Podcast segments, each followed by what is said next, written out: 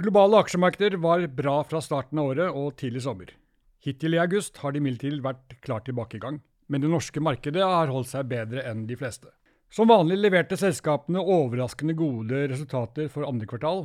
Makrobildet er imidlertid blandet, med overraskende god vekst i USA, mens Europa skuffer, og Kina bekymrer med nye problemer i den hardt rammede eiendomssektoren. Høyere lange renter er en utfordring for prisingen av aksjer, særlig i USA, mens lavere enn normale multipler i Europa gir en viss beskyttelse. Vi tar temperaturen på markeder og makro. Dette er Arctic-podden. Mitt navn er Stein Rund, sjeføkonom i Arctic Securities. Og jeg er Runar Mæland. Ja, og du er også sjef. Ja, ja, ja. Velkommen tilbake til eh, studio, Runar. Har du hatt en bra sommer? Jeg det er fint, det. Ja. Tre uker ferie, to uker i varmen Middelhavet, ei uke i Trøndelag med blanda drops. Som det pleier å være? Ja, alltid. Ja. Eh, men bra. Men du reiste, du reiste Middelhavet til tross for at krona var såpass svak og alt ble mye dyrere? ja, jeg hadde bestilt for lenge siden. Ja, så det var for seint å, å, å angre seg. Ja, men du, vi skal ikke snakke skit mer nå. Nå skal vi snakke om markedet. Det har vært bra hittil i år. Overraskende bra, kanskje. Ja, altså Hvis du tenker USA, Ja. fantastisk. Ja, altså SMP opp nesten 15 Riktig. year to date. Nasdaq opp uh, 28-29 Ja. Men det er jo interessant der, er det som mange har hørt om, det er eh, store tech-selskapene. Ja, de jeg kaller Eight Horsemen. Ja, der har du Meta, Nvidia, sant, som har flytt på AI-bølgen. Nvidia Ja. opp nesten 200 Ja. Meta 145, så vidt jeg husker. Ja, det er fantastisk. Men hvis du tar disse åtte, da, altså Alphabet, Amazon, Apple, Meta, Microsoft, Netflix, Nvidia og Tesla, Ja, så er de fortsatt opp nesten 60, eller rundt 60% Europa, ja, opp 7% Hvem skulle trodd at Tyskland hittil i år er opp 13 Det har vært bare negative økonomiske nyheter. var det Frankrike og Tyskland opp Ja. 13? OCBX-en har legget sånn, sånn sett sånn ca. 6 year to date, men den har vært bra nå i sommer. Ja, det, eh, hele år så har jo Norge, eller frem til sommeren, da, så Mm. var jo Norge et av de dårligste markedene i Europa. Sverige for eksempel var mye, mye bedre. Der Ja. har det jo vært det motsatt. Gjennom sommeren Ja. så har de fleste børsene faktisk falt, unntatt Oslo Børs. Ja, Hjulpet av eh, oljepris, da, eller? Absolutt sannsynligvis. Mm. Eh, Hvis, jeg, hvis jeg bare tar sånn, hvis vi sier at sommeren starta i midten av juni, ja, Ja. så er Oslo Børs opp en uh, OCBX-en opp en uh, 1,5 ca. OBX-en uh, nesten dobbelte, eller o- 2,5. Ja. Uh, mens uh, de internasjonale markedene du kan, eh, USA eh, det er vel egentlig ganske flatt. SMP er Ja, ja. så styrflat Til flat gjennom til sommeren ned. til ned. Ja. Sverige ned eh, ja, nå ser jeg dårlig, 5 Ja. ja. Men hvis vi skal snakke mer sånn spesifikt Norge, så har det vært mye bra tall. ja, bra resultater. Sant? Vi, har, eh, vi kan ta banksektoren, f.eks. DNB eh, er opp nesten 10 gjennom sommeren. Ja.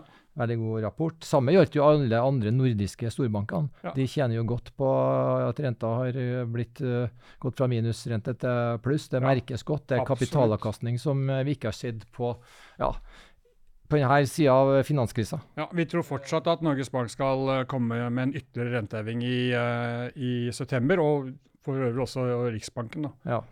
Eh, så, så finans har vært, uh, vært sterkt. Olje eh, nevnte du. Oljeprisen er jo opp eh, en 11-11 gjennom Mm. sommeren. Mm. Det har jo merktes stort hvis du tar eh, oljeserviceaksjene. Uh, Seadrill, eh, riggselskapet.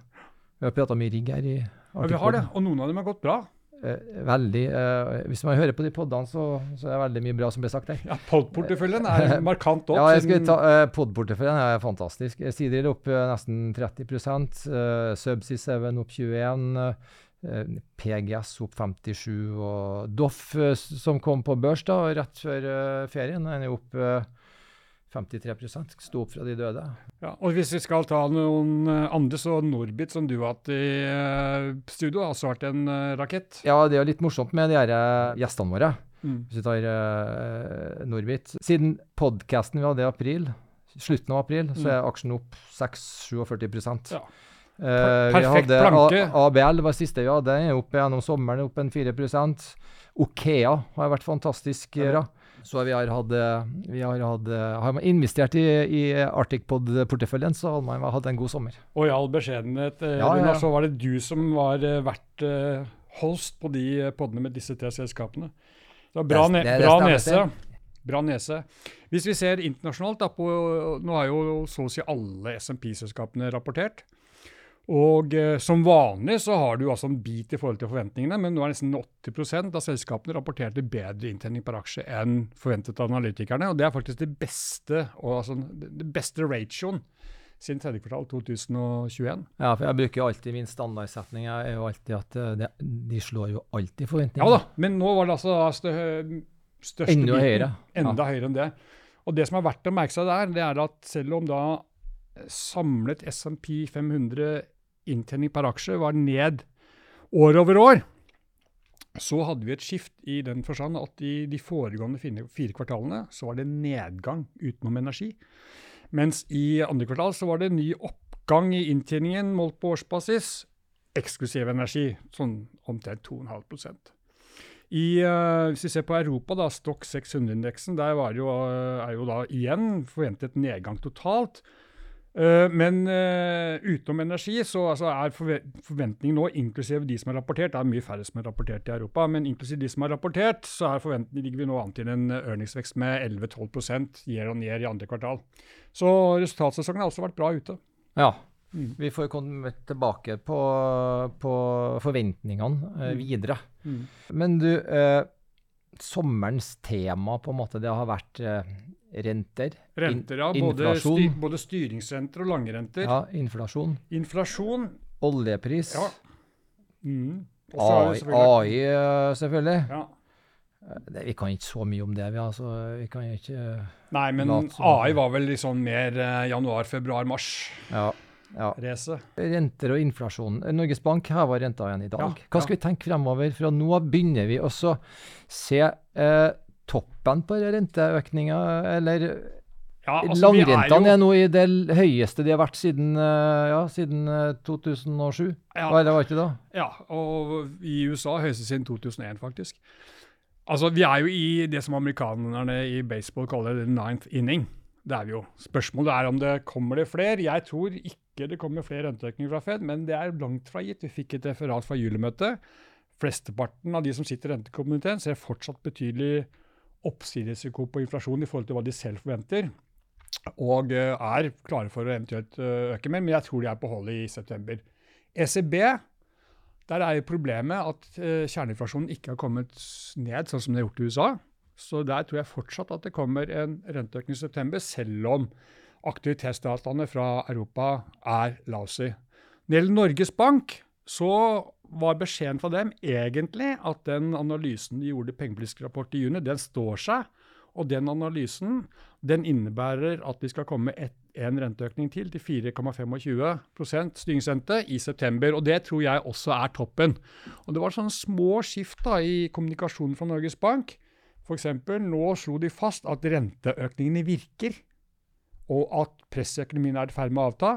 I juni så mente de at uh, det fortsatt ikke var tegn til at den fulle effekten av renteøkningen var, var kommet, og at det fortsatt var høyt press i norsk økonomi. Så de, de begynner, selv om inflasjonen nå holder seg, i hvert fall på kjerne, holder seg høyere enn forventet, så, så, så, så tror jeg at de nå er eh, ferdig med renteøkning når vi kommer da til eh, september. Men hvorfor stiger langrentene så mye nå, da? Ja, altså nå Skulle har vi nesten USA. tenkt motsatt, da. Ja, det det er jo litt overraskende at når vi er i ferd med å nå toppen på stigningsrentene, og i USA så priser markedet inn at Fed kommer til å kutte renten med 100 punkter eller 1 prosentpoeng i løpet av neste år. Det tror jeg er litt for optimistisk, men anyhow. Eh, Så er det jo overraskende at når forventningen er renter ned i 2024, så stiger lange renter. Altså Tiårsrenten i USA er jo nå på rundt 4,3% Det er det høyeste siden jeg tror det er 7. november 2007. Og den er jo altså opp nesten et prosentpoeng fra begynnelsen av mai. Og hovedårsaken til det, det er at markedet ikke lenger tror på en, en eh, umiddelbar resesjon i USA. Så egentlig det, man er mer optimistisk til økonomien. Ja, det er man. Øh, og tidligere så var det jo eh, konsensus i markedet om at det kom en resesjon i USA i løpet av seks, ja, 6-12 måneder. Det har jo vært forventningene helt siden i fjor sommer, så det er bare skjøt litt ut i tid. Men sånn, markedet trodde på det, og da skulle det implisere at Fed raskt, være raskt ute med å kutte renten. Nå tror man ikke så mye på det lenger. Og da har lange renter steget på natt fordi man nå ser for seg en såkalt myk landing. Altså at du, du demper presset i økonomien uten at du forårsaker eh, og får inflasjonen ned, uten at du forårsaker en kraftig arbeidsledighetsøkning.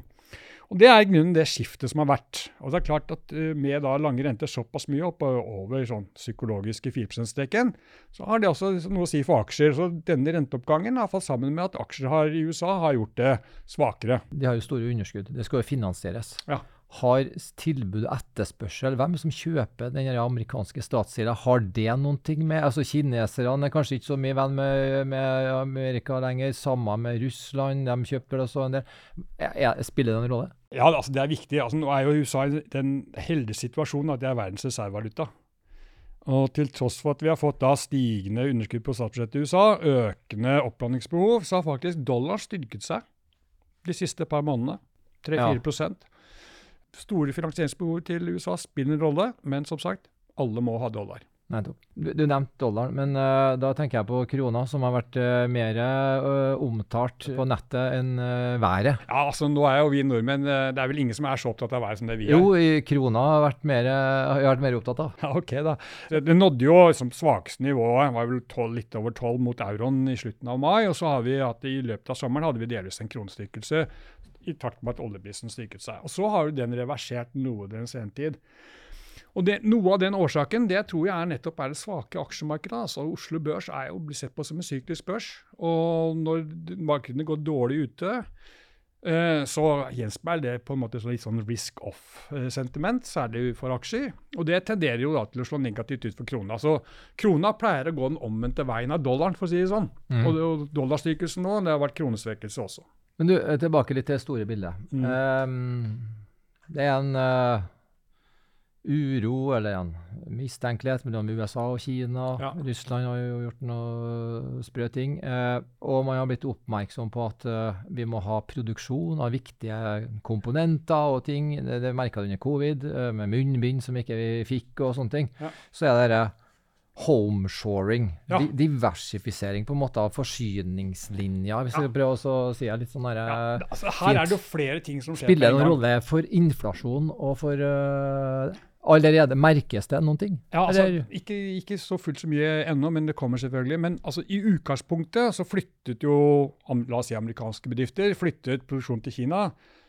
Fordi der var arbeidskraftkostnadene lavere, og de skulle tjene mer penger. Så kan si alt annet like, å flytte produksjonen hjem vil jo da enten bety dårligere marginer eller høyere priser. For å si det litt enkelt. Men når det gjelder akkurat det temaet du er inne på, så er det flere ting som skjer på en gang. Altså Noe av dette her er jo et etterlatenskap av pandemien. Hvor, hvor man diversifiserer altså den globale øh, varekjeden vekk fra Kina, fordi det var så ekstremt mye var der. Så nå, nå henter man varene fra Vietnam eller, eller, Thailand eller India, eller noe produksjon går altså tilbake til Mexico, som forsyner amerikanske bilindustri osv. Så, videre. så det er én ting, at du diversifiserer forsyningskjeden, som du sa. Og så i tillegg så har vi også da denne, dette skisma som stadig pågår, den teknologikrigen mellom USA og, og, og Kina som f.eks. fører til at nå eh, USA har jo, bruker ufattelig holdt jeg på å si, mye penger på å subsidiere oppbygging av en egen semikonduktorindustri som skal plasseres i, i, USA.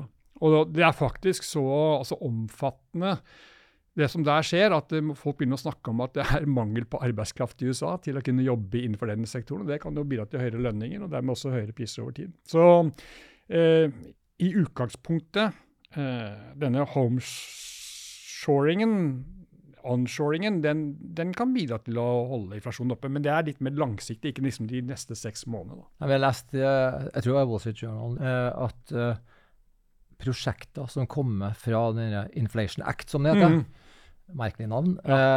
det er nå passert 220 milliarder dollar. Ja. Flere sånne ja. semikonduktorfabrikker mm. som du nevner. Ja. Ja, Det er helt eh. ekstremt hva som skal bygges opp i USA de neste årene. og det, altså, På en måte så er jo det eh, bra for vekstmomentet da, i USA. fordi det vil jo da bety veldig store investeringer, masse folk som skal bygge anleggene også, og drifte anleggene. Så sånn sett så er det positivt for amerikansk vekst. På en liste var faktisk et norsk selskap også, batteriprodusenten Freyr. Ja, bare for å nevne det. Ja, um, men, men når vi er inne på skisma mellom USA og Kina, så er det også verdt å merke seg sånn gjennom sommeren da, så har jo makrotallene vært overraskende gode fra USA. Ja. Og det, Særlig privat forbruk. Det ligger jo an nå til faktisk at uh, BNP-veksten i USA i tredje kvartal kan bli enda litt bedre enn i andre kvartal, som jo var overraskende bra. Særlig som følge av at du får en sånn akselerasjon igjen i privat forbruk. Så det er en positiv overraskelse derfra. I Europa så har det vært relativt flatt. altså. Det, det, det bare så vidt humper og går. Og så har jo tallene fra Kina vært uh, skuffende. Og der ja. har vi jo en ny usikkerhet da, knyttet til knyttet til um, boligsektoren eh, i Kina. Altså for, for, to år siden så lærte vi oss alle navnet på Evergrande, ja. som den store boligbyggeren som jo ja, gikk vel Defaulta vel faktisk i slutten av 2021. Ja. Og nå er, nå er, det Country Gardens er det nye ordet nå, som jo er den nå, nå den største private property developer i, i, Kina, som jo har problemer med å betale eh, rente på noen av lånene sine. Og i hele tatt så er jo, så er jo Kina skuffet da, etter den, denne kraftige gjeninnretningen de fikk i begynnelsen av året etter restriksjonen i slutten av 2022.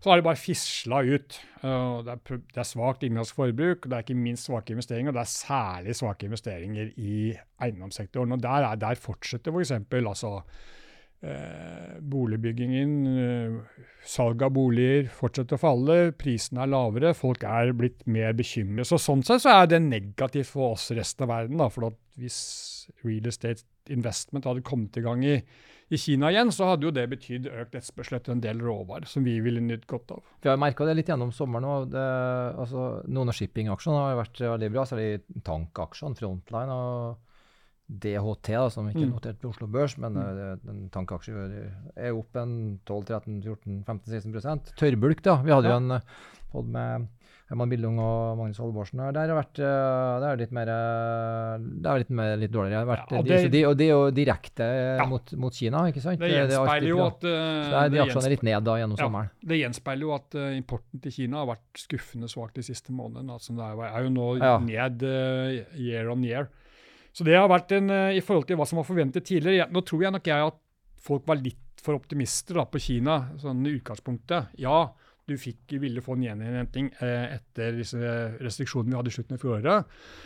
Men eh, som jeg har sagt tidligere i eh, poden, så ville jo den gjengjengingen først og fremst slå ut i økt innenlandsk eh, aktivitet. Altså Folk ville begynne å gå på kino en gang, på restauranter, begynne å reise.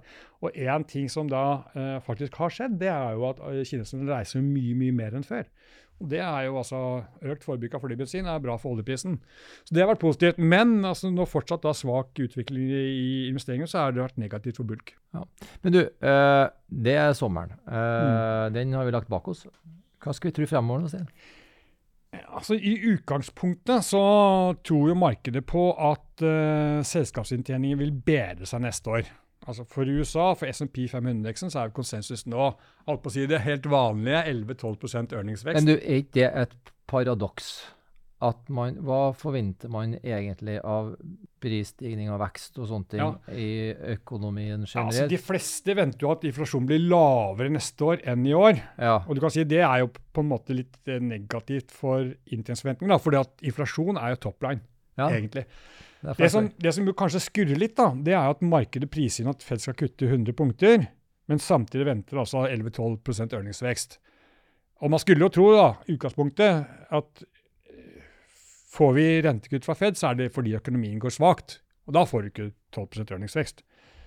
Men eh, argumentasjonen til Fed, og for så vidt også fra en del andre sentralbanker, det er at gitt at inflasjonen kommer ytterligere ned fremover, så vil du, hvis du holder styringsrenten uendret, få en de facto pengepolitisk tilstramning via høyere realrente, altså renten justert for prisstigningen.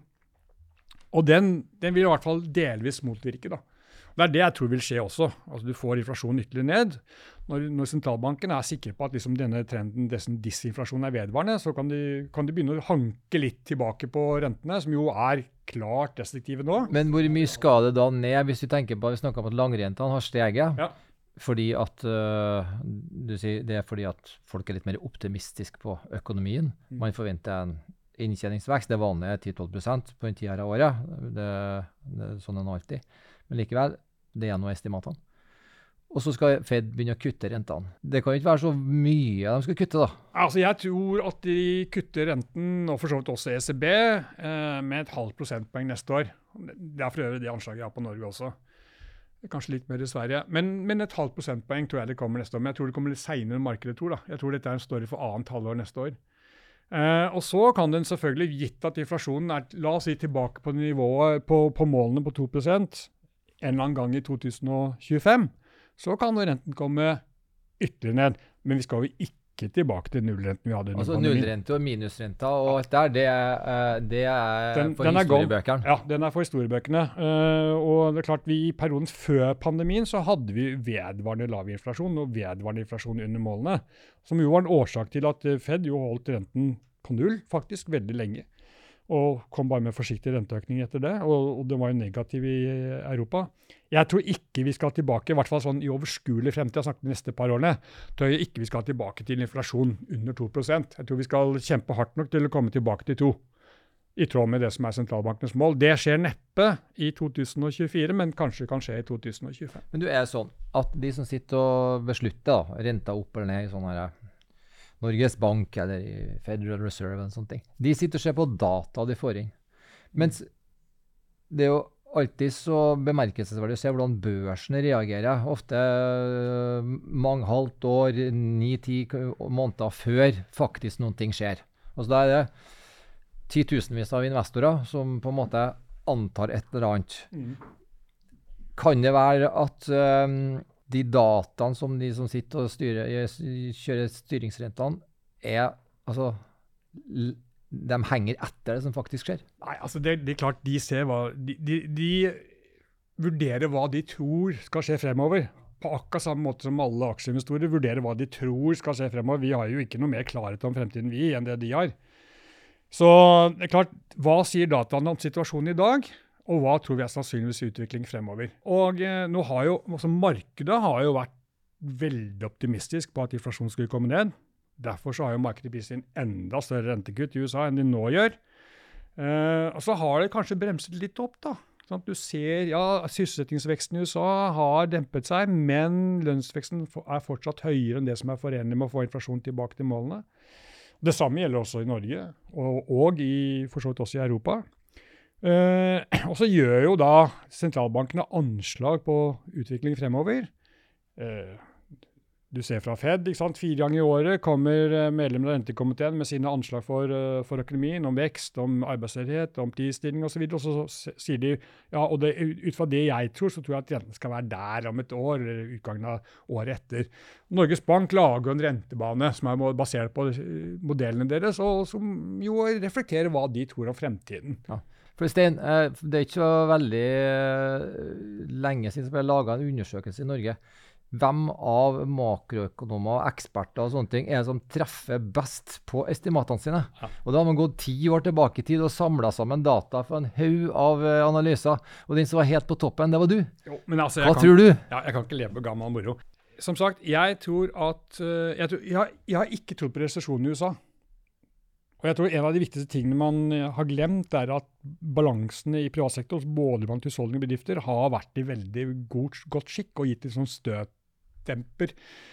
I tillegg til alle, alle si, tunge sparingene du hadde under pandemien, gitt en støtdemper mot da, disse renteøkningene mot en veldig høy inflasjon. Men tror du, vanskelig spørsmål, men at Kina kan bidra og bli noe sånn en eh, faktor som kan bli eh, veldig negativ for børsen?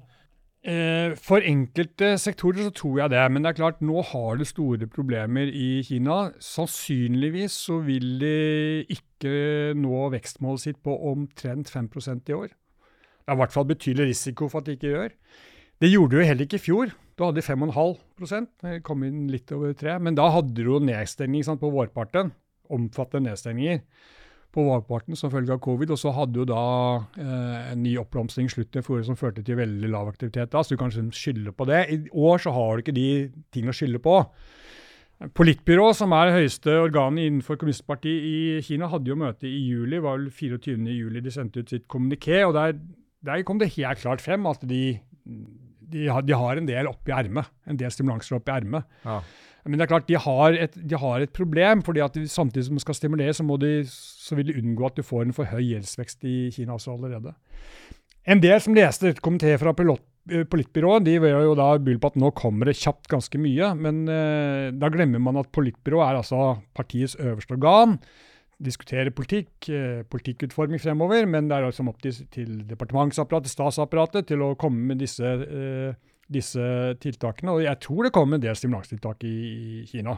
Det jeg klør meg litt i hodet på, det er jo hvor svakt det er i Europa.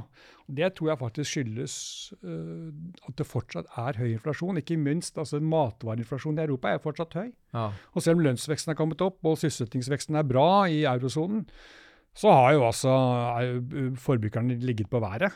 Og Det tror jeg nettopp skyldes at uh, prisstigningen fortsatt er høy. I USA så er det jo veldig fokus på bensinpris. Og nå er den for øvrig kommet opp igjen. I Europa så er det veldig fokus på matvareprisen, og de rønner fortsatt på 11-12% og det er klart det virker dempende. Men renta begynner å virke. Ja. Det ser vi. Ja. Det begynner å virke. Ja. Uh, og da tenker jeg sånn for oljepris og sånne ting Ole Rikard, da, eh, som ikke er her nå, men han er, veldig, han er jo fortsatt optimist på, på oljepris. Og det er jo både pga. tilbudssiden og etterspørselssiden. Akkurat det jeg hører, så, så er jo ikke det så ille for, for, for børsen. Nei. Eh, sant? Eh, bakteppet der. Nei. Um, og så er jo inntjeningsveksten. da, sant? Eh, og er vi, er vi for optimistiske? Akkurat nå så føler jeg at ganske mange er egentlig sitter nesten og håper på at børsen skal falle. Altså jeg Ja. føler at det, det, det er ikke en sånn overoptimisme i, i markedet. På ingen måte. Nei. Men, uh, og, det, og når folk går og tenker sånn, så skjer det gjerne ikke det motsatte. Det er i hvert fall en sånn feeling jeg har. Å sitte her eh, på desken Ja, sånn Men du, eh, for tida. Men, men altså, når vi snakker om markedet, så tenderer jo særlig sånn som deg, Runar, til å tenke på amerikanske markedet. Nei, jeg tenker på Norge. Ja, men la oss liksom, si altså, eh, amerikanske markedet er jo blitt dyrt. Altså, du har nå Ja, det er jo et poeng. Ja, du har nå en PE, altså pris per forventet inntjening på aksjer neste tolv måneder, på sånn 19 19,1 ish. Klart Det er trukket opp av disse store eight horsemen som jeg snakket om i sted, men, men amerikanske aksjer er i utgangspunktet dyre. Husk, da snakker vi altså om en earningsvekst neste år på 11-12% Men poenget mitt er at folk er litt er opptatt av det. Jeg mener at folk er opptatt av det. De snakker om det. Ja. Og de har Ja. tilpassa seg det. Og de Ja. har gjort investeringene og tilpassa Ja. Porteføljene sine til deg. Det er jo ikke så Men hvis du greit tror, å da si, men det, det, det, virker, det virker egentlig sånn at folk er veldig forberedt og opptatt av det her. Ja, men det er noe sånn rart da, at når, det er først når ting skjer at det faktisk blir Ja, ja. diskutert 100 Og mm. klart, hvis du, hvis du tror at earningsveksten neste år i USA blir 7-8 som jo også fortsatt er ganske bra, og ikke 11-12 så er jo amerikanske aksjepriser enda dyrere. Og nå har du også fått renten opp. Og da, da blir jo forholdet mellom eh, altså attraksjonen da, på aksjer kontra bonds, den blir jo endret. Jeg husker du for noen uker siden spurte meg om du burde investere i, eh, i, i obligasjoner. Ja. Jeg, det har du kanskje gjort? Jeg har gjort det. Ja. Ja, Du får jo 8 for å låne ut pengene til Hydro. ja. Men altså, hvis vi ser, igjen ser på USA, da, så den såkalte equity risk premium, som sier noe om forventet avkastning på aksjer og obligasjoner, så er altså den den, den, eh, den, den, den, den spretten der, den medpremien, eh, på, på aksjer, det er altså den, laveste siden 2002. Ja. Så, så Earnings aksjer- yield gap. Earnings yield gap, ja. Så, så det, amerikanske aksjer er jo dyrere også sett i forhold til rentene. Europa er jo klart billigere. Altså der tolv måneders forventet inntektsvekst dividert på prisen i dag, så har vi altså en, en PE på ja, 12,2-12,3. Det er jo faktisk under det normale. Og det skyldes jo at uh, europeisk økonomi har, har skuffa i, i hele år. Folk er negative til, til Europa. Mm. Uh, og, og det er klart at uh, sånn på margin så er, betyr jo Kina i denne sammenhengen kanskje mer for en del europeiske land enn Ja. det gjør for USA. Ja. Skulle det bli sånn at uh, du får et dårlig aksjemarked i USA, det smitter jo, det smitter jo. Smitter over. over. Samtidig så er det ikke vanskelig å finne billige aksjer, uh, verken på Oslo Børs eller ute i, eller, eh, eller ute i Europa. Nei, da, og jeg vil, gode selskap. Ja. Sant? Så, uh, altså gjelder, ja, amerikanske aksjer betyr jo veldig mye. Vi sitter og følger med på det hele tiden. Men hvis du tror på litt uh, sterkere motvind her, da, så ligger jo en beskyttelse i, for europeiske aksjer. I den forstand at prisingen er på, et, er på under normalnivå. Ja. Godt under normalnivå. Og når du snakket om dette eh, earnings yield gap i sted, da, altså equity risk premium, så er jo det, er, altså, det er forskjellen mellom gi, altså det, det er inntjening delt på aksjekurs. Ja. Det, da får du en uh, rente. Ja, en rente, og det sammenligner du sant? med obligasjonsrenten. så sammenligner du den Ja. med uh, obligasjonsrenta. Forskjellen der er altså i USA er det minste siden 2002. I Europa så er jo mye høyere, dels fordi prisingen av europeiske aksjer er mye lavere, altså en PE på 12,1-12,2. Og dessuten så er tiårsrenten eh, sånn røftlig 1 prosentpoeng lavere. Så sånn sett så gir jo prisingen av europeiske aksjer skal vi si, en viss beskyttelse på nedsiden. da.